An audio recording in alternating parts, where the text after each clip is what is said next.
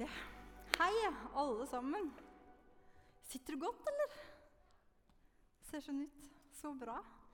Jeg heter Siri Novak Øen, hvis eh, jeg er et eh, nytt ansikt for deg. Jobber i den kirken her som, eh, som potet. Sammen med Halvard og Vetle. Vi har mange poteter. Det jeg har, vil jeg gi deg. Jeg liker sånne serier som den vi har nå, veldig godt. Og det er eh, Det er mange gode grunner til det. Altså, det her skjedde på morgenen i dag òg. Jeg skjønner ikke hvorfor jeg ikke bare holder meg til manus på linje to. Det hadde gjort det så mye lettere for meg. Tittelen 'Det jeg har, vil jeg gi deg' er hentet fra Apostelens gjerninger, kapittel 3, fra vers 1 til 10. Og det er ord som disiplene Peter sa en dag for lenge, lenge, lenge siden. Lite visste han, og lite visste Johannes om hvor skjebnesvanger veien til bønnestunden skulle bli. Ikke bare der og da, men for millioner av mennesker i titusenvis av år. Vi har nå kommet til den fjerde og siste søndagen, som Halvard sa. Så til nå så har vi fått høre David André snakke om kraft. Andreas har snakket om fortellinger. Vetle snakket forrykende om forvaltning neste uke. Nei, forrige uke. og i dag så skal jeg få bryne meg på det gjeve ordet kjærlighet. Jeg tror at det er skikkelig sunt for oss ja, å ha en sånn serie som det her, der vi bruker god tid i bibeltekst. Der vi må lese om igjen, der vi må høre om igjen, lytte om igjen, fordype oss og utfordre oss. Og ikke minst så har jeg forventning nok en gang til at Den hellige ånd skal åpenbare for oss. Sånn som han har gjort før, og som jeg vet at han kommer til å gjøre igjen. Jeg har et spørsmål til deg, og det er Har du opplevd å erfare kjærlighet på en måte som har forandret noe inni deg? Før vi lander i det spørsmålet, så skal vi se på dagens tekst. Og jeg leser fra Apostelens gjerninger, kapittel 3. Peter og Johannes gikk en dag opp til tempelet, til ettermiddagsbønnen ved den niende time. Da kom noen bærende på en mann som hadde vært lam helt fra mors liv. Hver dag satte de ham ned ved den tempelporten som kalles Fagerporten, så han kunne tigge om gaver fra dem som gikk inn på tempelplassen. Da han så Peter og Johannes som var på vei inn, ba han om en gave. De så fast på han, og Peter sa, 'Se på oss.' Han gjorde det, og håpet, han, håpet de ville gi ham noe. Men Peter sa, 'Sølv eller gull har jeg ikke, men det jeg har, vil jeg gi deg.' I Jesu Kristi Nazarenes navn, reis deg og gå. Og han grep ham i høyre hånd og reiste han opp. Straks fikk han styrke i føttene og anklene. Han sprang opp sto på føttene og begynte å gå omkring. Han fulgte dem inn på tempelplassen, hvor han snart gikk, snart sprang, mens han sang og priste Gud. Hvor i alle dager skal man begynne? Det er jo gull i hver setning her. Men jeg har lyst til å starte med dette. Da kom noen bærende på en mann som hadde vært lam helt fra mors liv. Det har dukket opp mennesker med fysiske handikap mange steder i evangeliene. Et eksempel finner vi i Johannes kapittel 9. Jesus går forbi en mann som er født blind. Og uten å utøve sånn imponerende folkeskikk så spør disiplene Jesus du, siden han er født blind, hvem har syndet? Han selv eller foreldrene? Jeg tror at dette her var en allmenn problemstilling på den tiden. Og kanskje de som bærer denne båren med denne tiggeren vår, stilte seg det samme spørsmålet. Hvem sin skyld er dette her egentlig? Hva slags synd er det denne mannen har gjort? Og hva slags synd er det moren hans har gjort? Og hvis det er sånn at han faktisk har gjort noe som gjør at han fortjener straff, hvorfor skal vi da være gode? Det står ikke noe om hvem de som bar denne båren, var. De er ikke nevnt ved navn. Men noen tok hver eneste dag ansvaret for å forflytte han slik at han kunne forsøke å livnære seg med andre menneskers penger. De navnløse hverdagsheltene. de er det mange av. Og mange av dere som sitter her, er noens noen. Så når vår venn på båren blir båret gjennom gatene i Jerusalem på veien til tempelet, så skal man ikke se bort fra at han både kan ha hørt og stilt seg det, stilt seg det samme spørsmålet. Hva er det jeg har gjort galt? Hva er det som er feil med meg? Hva er dette for en straff? Og det er et forferdelig spørsmål å ha i ryggmargen. Men mer enn det for et umulig utgangspunkt for å kunne leve livet til det fulle. Hva svarer Jesus på disiplenes spørsmål? På disiplenes spørsmål? Mest sannsynlig så var Peter og Johannes der den dagen jeg nettopp har sitert fra i Johannes kapittel 9. Kanskje til og med det var en av de som hadde stilt Jesus spørsmålet. Jesus hadde svart kontant, uten å måtte google eller spørre en venn med doktorgrad. Han hadde bare svart ingen har syndet. Ikke han, ikke foreldrene. Og mannen var ikke døv, så han hørte hva Jesus sa, selv om han ikke så ham. Og Jesus fortsetter med å si, men nå kan Gud, Guds gjerninger bli åpenbart på ham. Så lenge det er dag, må vi gjøre hans gjerninger som har sendt meg. Jesus han snakket om det åndelige lyset som trenger gjennom der mørket rår. Og så gjør Jesus rare ting. altså. Han spytter på jorda, lager en kladd med leire, smurte det på øynene til mannen, og så ga han ham dette merkelige budet. Nå må du gå og vaske deg i Siloa-dammen. Og for å få til det så tror jeg han trengte noen. Kanskje han hadde sittet trygt på hjørnet sitt, hadde et fast hushjørne der han satt hver eneste dag. Og nå sier Jesus at han skal reise seg. Og så skal han gå til dammen. Han skal vaske seg. Og så ser jeg for meg at det kommer en navnløs hjelper, som så mange ganger før. Tar i armen, leder han over terskler, rundt svinger, ned steintrapper til denne dammen, som betyr utsendt. Mannen vasker øynene og blir seende. Mitt første punkt i dag det er at kjærlighet ser. Vi aner ikke dere, hva Peter og Johannes snakket om på vei til tempelet akkurat den dagen. Og vi vet heller ikke om de har gått forbi denne mannen mange ganger før. Men det bibelteksten sier noe om, det er at da han så dem, så ba han om en gave. Å være trengende, det er det trangeste et menneske kan være. Hva er kjærlighet? Er det å gi folk det de spør om? Og nå står det at de så fast på ham, og Peter sa, 'Se på oss'. Betyr det se på oss, sånn type 'se meg inn i øynene'? Se på meg? Eller var det mer sånn 'se på oss'?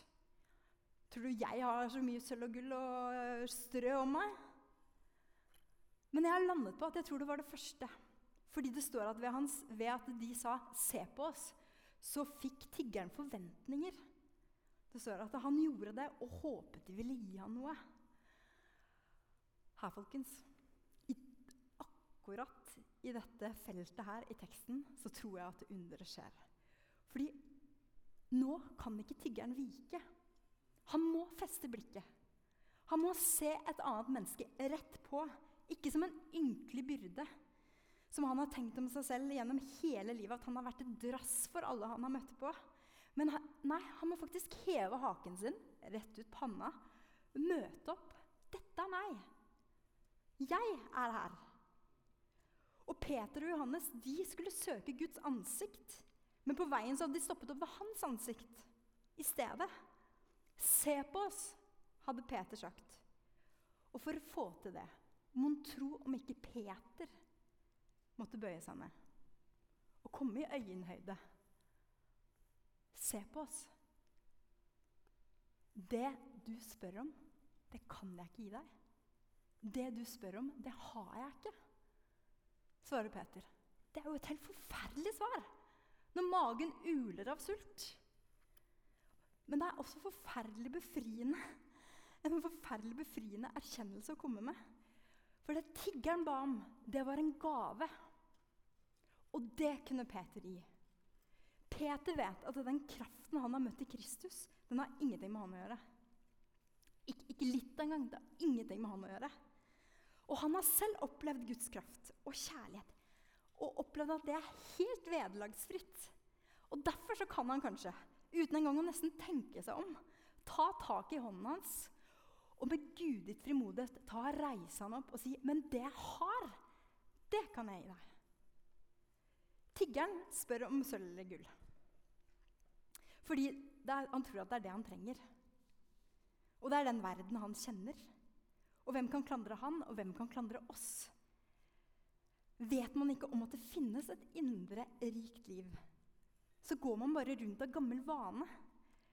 Eller man kanskje ønsker til og med å bli båret av noen år ut og år inn, like uforløst og like deprimert. Og det er helt utrolig hvor mye vi spør og krever av andre mennesker som de ikke kan gi oss. Og det er ikke fordi de ikke vil gi oss det, men de har ikke det du spør om. Mennesket strever alltid for maten, mens sjelens sult blir aldri stilt, sier forkynneren i kapittel 6, vers 7. Hver eneste dag dere, så ble tiggeren båret dit. Og så ble han plassert utenfor.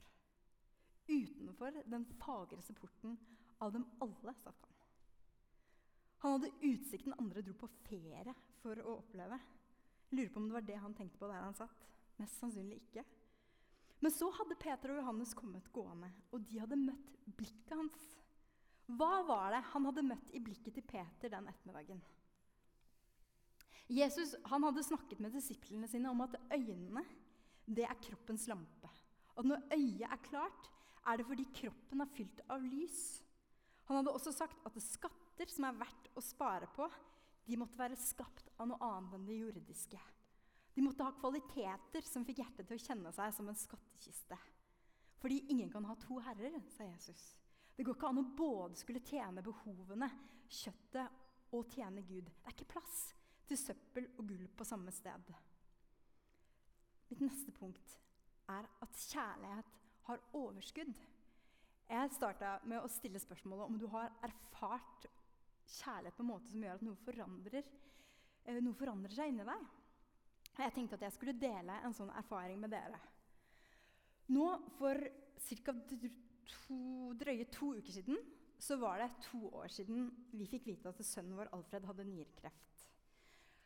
At livet gikk fra å være et forutsigbart småbarnsliv den ene dagen til å innebære at man skulle møte opp på Rikshospitalet klokka 08.00 dagen etterpå. En helt alminnelig onsdag i september. Og vi hadde ikke kommet mange steg innenfor eh, barnekreftavdelingen før det dukket opp en nydelig liten jente på ganske lik alder som Alfred. Og hun var jo akkurat det som jeg frykta mest. Hun hadde mistet litt av håret sitt, gikk med sonde i nesa. Og jeg eh, spurte jo da 'Hva heter du', da? spurte jeg. Det er som man sier, og så tror man at barnet skal svare, men man vet jo at det er foreldrene som svarer, ikke sant? for de er jo små. Så det er mammaen som sier 'Ja, nei, det er Filippa', svarte moren. Og så blir vi værende litt der i resepsjonsområdet, og jeg prøver å fortelle mammaen til Filippa at vi er her i dag fordi vi fikk vite i går at Alfred har kreft. Og jeg klarer ikke å få frem ordene. Altså, jeg er så gråtkvalt og så satt ut av den situasjonen. Og så sier hun at du trenger ikke å si noe som helst. Jeg vet hvordan det er. Jeg vet akkurat hvordan du har det. Og hun gjorde det ikke fysisk, men det var akkurat som hun satte seg på øyenhøyde og møtte meg som en søster. Senere den dagen så ble vi lagt på isolat pga. noe så ufarlig som snørrete nese. Men man skal ikke tulle med snørrete neser på sånne avdelinger. Og Så går det noen dager, og så banker det på døra. Og da var det en sykepleier som står der og peker på en mann som står ute på gangen. Og det var pappaen til Filippa. Og han sier Man må nesten rope det for en gang før man kommer inn på rommet. Og sånn, Jeg skal ut og kjøpe pizza, og jeg lurte på om jeg kunne kjøpe med en til dere. Sølv eller gull har jeg ikke. Hvorfor har dette møtet med denne familien gjort så inntrykk på meg at jeg velger å fremheve den i dag? Jeg tror det er fordi at jeg ikke forventet at det var de som skulle strekke seg ut mot oss. Altså, De var folk som sto med gjørme til halsen. De hadde en datter på under to år med kreft i hele kroppen. Og jeg tenkte at de hadde jo mer enn nok med seg selv. Ikke sant? Men det var en umoden tanke. Fordi kjærlighet, dere, det har overskudd. Og den vei, finner veier selv inn til et isolasjons, isolasjonsrom. Og den kan egentlig aldri stoppes, hvis du kjenner etter. Vi sier sånn 'Jeg ville gått gjennom ild og død', ild og vann. Og vi mener det. Når det er kjærlighet, så er det en så sterk kraft. Og vi mennesker vi kan ikke alltid utføre sånne uforklarlige mirakler som vi leser om i denne historien. her. Men det som er nesten enda større enn det, det er at vi hver eneste dag, absolutt alle mennesker, kan hver eneste dag, gitt enhver situasjon, putte kjærlighet inn i hverandres dag. Å være sant menneske det innebærer å være sant medmenneske. Og jeg tror at det er nettopp derfor også Peter og Johannes tok tak i denne fremmede armen og satte mot i det som var sånn uforløst i han. For de har fulgt med på Jesus, og de har igjen og igjen sett hvordan han har løftet opp mennesker og møtt dem med ord om fred og om nåde. Heller ikke jeg fordømmer deg. Gå i fred. Så når Peter og Johannes strekker seg ned mot den lamme, så er det ikke en kraftanstrengelse. Det er vår nye natur. Vår egentlige natur er å strekke oss etter hverandre. Fordi vi er skapt med Guds kjærlighet i vårt aller, aller innerste. Peter og Johannes de har fått kjenne denne hellige ånds ild på tunga. Og Den hellige ånds kraft i barmen. Og ikke minst, de hadde blitt skikkelig fillerista i pinsen bare noen dager tidligere der de igjen får det rett i fleisen. Er det jeg har sett i Jesus, er det også mitt? Er det blikket han har møtt meg med, også det jeg kan møte andre med? Er det forholdet han hadde til Faderen, er det det som også er tiltenkt meg?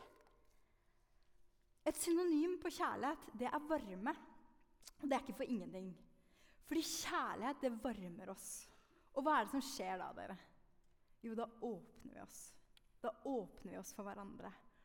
Og da er det plutselig ikke noe som heter fremmed lenger. Eller noe som heter tigger.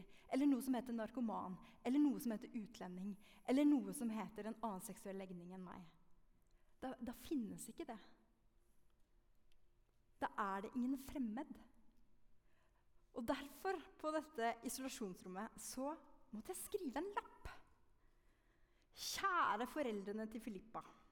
Det er kanskje ikke en optimal norsk, akkurat det, men kjære foreldre Hvis jeg kunne skrevet den på nytt, men det kan jeg jo ikke, da. Tusen takk for pizza og omtanken som ligger bak denne hjertevarme gesten. Vi blir helt rørt og takknemlige for medmenneskeligheten. Vi drar mest sannsynlig hjem til Drammen i morgen, men det hadde vært hyggelig å følge hverandre. Jeg heter Siri Novak Øen, Knut Johan Øen og Alfred parentes Wilms tumor. Det er sånn du bare gjør på en barnekreftavdeling. At du tar diagnosen til barnet ditt når du skal si hvem du er. Men ønsker dere gode dager fylt med glede over de små og store tingene. Klemme fra oss på rom 300, 3063. Kan vi slå følge? lurte jeg på. Og vi har slått følge, jeg og mammaen til Filippa. Fra et tilfeldig møte på gangen så kan vi nå se tilbake på to år med en reise med interne problemstillinger. Først ble Alfred frisk, og så kan jeg love deg at da Filippa ble frisk, noen måneder senere, så kjente jeg den gleden på min egen kropp. Og jeg blir fortsatt rørt av å tenke på dette menneskemøtet. Og jeg er så takknemlig for denne nye erfaringen av hva kjærlighet kan være. Det står at tiggeren ville være nær Peter og Johannes, og det forstår jeg godt. Fordi mennesker som ser deg for den du er, uten gammel historie og uten skuffelser, de er det fryktelig godt å være rundt. Har du noen sånne mennesker i livet ditt? Noen som har vært der for deg, og som har gjort et sånt utslettelig inntrykk. Eller kanskje du akkurat nå kjenner at eh, Gud pirker i deg til å gjenoppta kontakten med noen som du har holdt på avstand, eller, eller kanskje du også skal våge deg ut fra ditt skjulested. Punkt tre kjærlighet gir tiden mening. I sommer Jeg vet at nå kommer du til å tenke hun er jo ufattelig gammel. Men jeg må bare si det, at i sommer så fikk jeg noe jeg ønska meg skikkelig lenge. Og det er en svær blomsterkasse. Åh, over tre meter med jord. Jeg tror ikke det har gått en dag siden jeg fikk den uten at jeg har vært og fått jord på hendene. Men jeg har jo da fått meg den blomsterkassa. Og jeg tror jeg var litt som en mann som skulle kjøpe en ny bil. Jeg måtte gjøre research på hva slags blomster jeg skulle ha. Tenkte ut hva som ville passe fint sammen. Deriblant en type staude som heter solhatt. Eh, og det sto at den skulle få sånne store, kraftige, litt sånn solsikkeaktige blomster. Jeg tenkte ja, men det kan jo være trivelig da oppi det bedet. En staude det betyr at det kan komme igjen flere år på rad hvis du er litt sånn uinnvidd i sånn blomsterspråk. Den kan du skryte av når du kommer hjem til mamma. at du vet hva en staude er. Men jeg gikk nok på en sånn klassisk nybegynnerfeil. Og det var at jeg kjøpte nok blomster til at det skulle se fint ut første dagen. Men hva er det som skjer med blomster? De vokser. Okay. Jeg håper dere kan litt mer om blomster enn det, men de vokser. Så de begynner å vokse, og det ble trangt. Og de andre blomstene rundt de var både mer fargerike og mer gøyale. Og var, nei, solhatten var relativt anonym og kjedelig og var bare en sånn grønn kladd. Så jeg fant ut etter hvert ut at jeg måtte ta ut denne solhatten. Putta den oppi en annen litt sånn, sånn ampel, sånn de henger, så vi kunne se den litt mer. Og jeg vannet og stelte og fulgte med, og ingenting skjedde. Planter de ble omplassert, stelt, beundret gjennom hele sommeren. Men det var ingenting som skjedde med solhatten. Og til slutt så tenkte jeg vet du hva, nei, nå gidder jeg faktisk ikke mer eh, med deg. Så jeg puttet den i et sånt ventebed. Det er ikke, det er ikke en eh, blomsterterm. Det er bare sånn når du syns det er veldig trist å kaste noe du har jobba med hele sommeren. Så jeg har en sånn eh, krok under noen busker hvor alt som snart skal dø, bare står og venter på døden. Og da putta jeg solhatten dit. Men så kom jo september, og vi skulle ta ut alle sommerblomstene. Og da tenkte jeg nei, vet du hva, vi får gi ta i den solhatten igjen. da. Det er jo snart eh, frost og natta uansett, så det kan jo ikke skade. Men før jeg satte den oppi der, da, så sa jeg ikke fysisk, men jeg sa likevel at kjære Solat, du må bare vite det, at jeg har null forventninger til deg. Du har vært døll og kjip hele sommeren. Null forventninger. Og så kom oktober. Gjett hvem som står der med en knopp nå, dere. Der står den. Den er liten. Bitte liten knopp, men det er en knopp der. Det er ikke sikkert den rekker å blomstre før vinteren kommer, men jeg har fått meg en preken. Fordi jeg hadde ambisjoner om at den skulle stå der og skinne i midten av juli. ikke sant? Men Gud, ikke jeg, har lagt den og blitt en vakker solhatt i sin tid. Hva er det jeg prøver å si? Jo, hvem i alle dager er jeg? Jeg krever noe av den som den ikke kan gi meg, og som den aldri har lovet meg. Og dere, dette her gjør vi med, med hverandre også. Hva i alle dager har denne blomsteranekdoten med noe som helst å gjøre? Poenget mitt det er at vi er skapt til å kunne elske. Akkurat som solhatten er skapt til å være solhatt. Kjærlighet er ikke en romantisk følelse. Kjærlighet er overgivelse. Og Derfor er det å elske som Gud liv, et livslangt prosjekt. Vi må bli kjent med en vilje som ligger bak vår egen, og bli kjent med en ny type natur. Det gjør at både tiden og de grensene som vi kjenner og forholder oss til, de må defineres annerledes. Og det er jo ikke gjort over natta. Mest sannsynlig kommer, til, kommer det til å ta mye mer tid enn du og jeg mener at det burde ta. Og slik solhatten har i seg å bli en solhatt, uavhengig av tiden det tar, så har også du og jeg i oss å være elskende skapninger, uavhengig av tiden det tar. Fordi kjærligheten, den gir tiden og ventetiden mening. Å være lam fra mors liv Jeg kan ikke forestille meg hvordan det er å være gravid med et barn som ikke kan bevege seg. Og I datidens Israel var det ikke ultralyd i uke 12 og regelmessige undersøkelser gjennom hele svangerskapet. Så denne mammaen Ok, det er ikke bevegelse der, men er det hjertelyd? Det er jo det eneste som betyr noe. Og kanskje at du føler deg forkrøpla i ditt liv. At det er så mye du kunne ønske at du fikk dreisen på. Men det eneste spørsmålet som faktisk betyr noe, og som virkelig betyr noe, det er er det hjerteslag i deg. For er det hjerteslag, da lever du.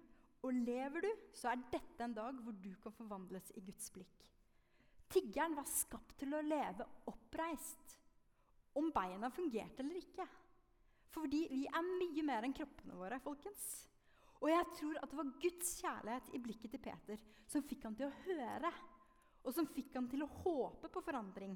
For mer enn kroppen. Det var hjertet som trengte en dåp i kjærlighet.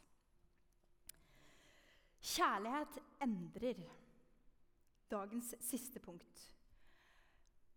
Denne bibelteksten som vi har jobba med nå i disse fire ukene, den fascinerer meg dypt. Det må jeg bare si. Og jeg har lyst til å avslutte med denne setningen her.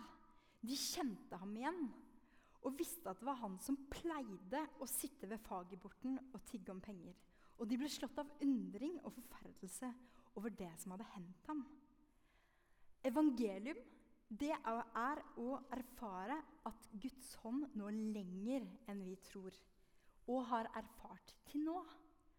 Vi pleide å forstå dette om Gud, men nå er vi slått av undring av at han har vist deg på helt uventede og en helt ny måte. Hvor mange av oss kan ikke si sånn som dette her, at 'jeg pleide å gjøre dette'? 'Jeg pleide å legge alt ubehaget jeg hadde, over på andre'. Eller 'jeg pleide å drikke bort bekymringene mine'. Eller 'jeg pleide å tenke at alle andre skulle ha det godt i livet, men ikke jeg'. Eller 'jeg tenkte, jeg pleide'. Så mange har den erfaringen i livet sitt. Og jeg må bare bekjenne det selv. Jeg føler at det fortsatt er sånn. At jeg hele tiden driver og jobber og kverner med dette pleide-ordet i livet mitt. Tiggeren pleide å være utenfor, men det er han ikke lenger. Han er innenfor nå. Han pleide å være en mottaker av andres velvilje, men sånn kan det jo ikke fortsette å være. Han pleide å bli båret. Nå må han gå selv. Han pleide å kunne leve på andres midler. Nå må han tjene sine egne. Og dere, husker dere at det var noen som pleide å bære han til fagerborten hver eneste dag. De må begynne å gjøre noe annet, de også. Kjærligheten har denne milde pushet i seg til å få oss til å gå bedre veier og til nye steder der hvor vi trengs. Til sist Paulus har skrevet noen mektige setninger om kjærligheten. I kapittel 13 i 1. Korinterbrev står det listet opp alt hva kjærligheten er. Og Deriblant står det at kjærligheten er tålmodig. Kjærligheten er tålmodig. Jeg føler at jeg altfor ofte ikke har den tålmodigheten. At jeg er altfor utålmodig. Så driver jeg noen ganger og liksom kverner litt på disse ordene og har funnet ut at noen ganger så hjelper det for meg å si at det, kjærlighet har ikke dårlig tid. Kjærlighet ikke, kjærligheten har ikke dårlig tid. Og jeg tror verken tålmodighet eller kjærlighetens dybder er noe vi kan lære over natta. Akkurat som en solhatt ikke bare kommer over natta. Den må få tid til å rydde opp i historien sin. Den må få tid til å, å si unnskyld. Den må få tid til å få egenkjærlighet. Den må få tid til å virkelig se hvem Jesus Kristus er. Det skjer ikke over natta. Vi må gi hverandre og gi oss selv litt raushet. Det er heller ikke noe som kan læres uten at det kreves noe av oss. For vi trenger å gjøre oss noen erfaringer.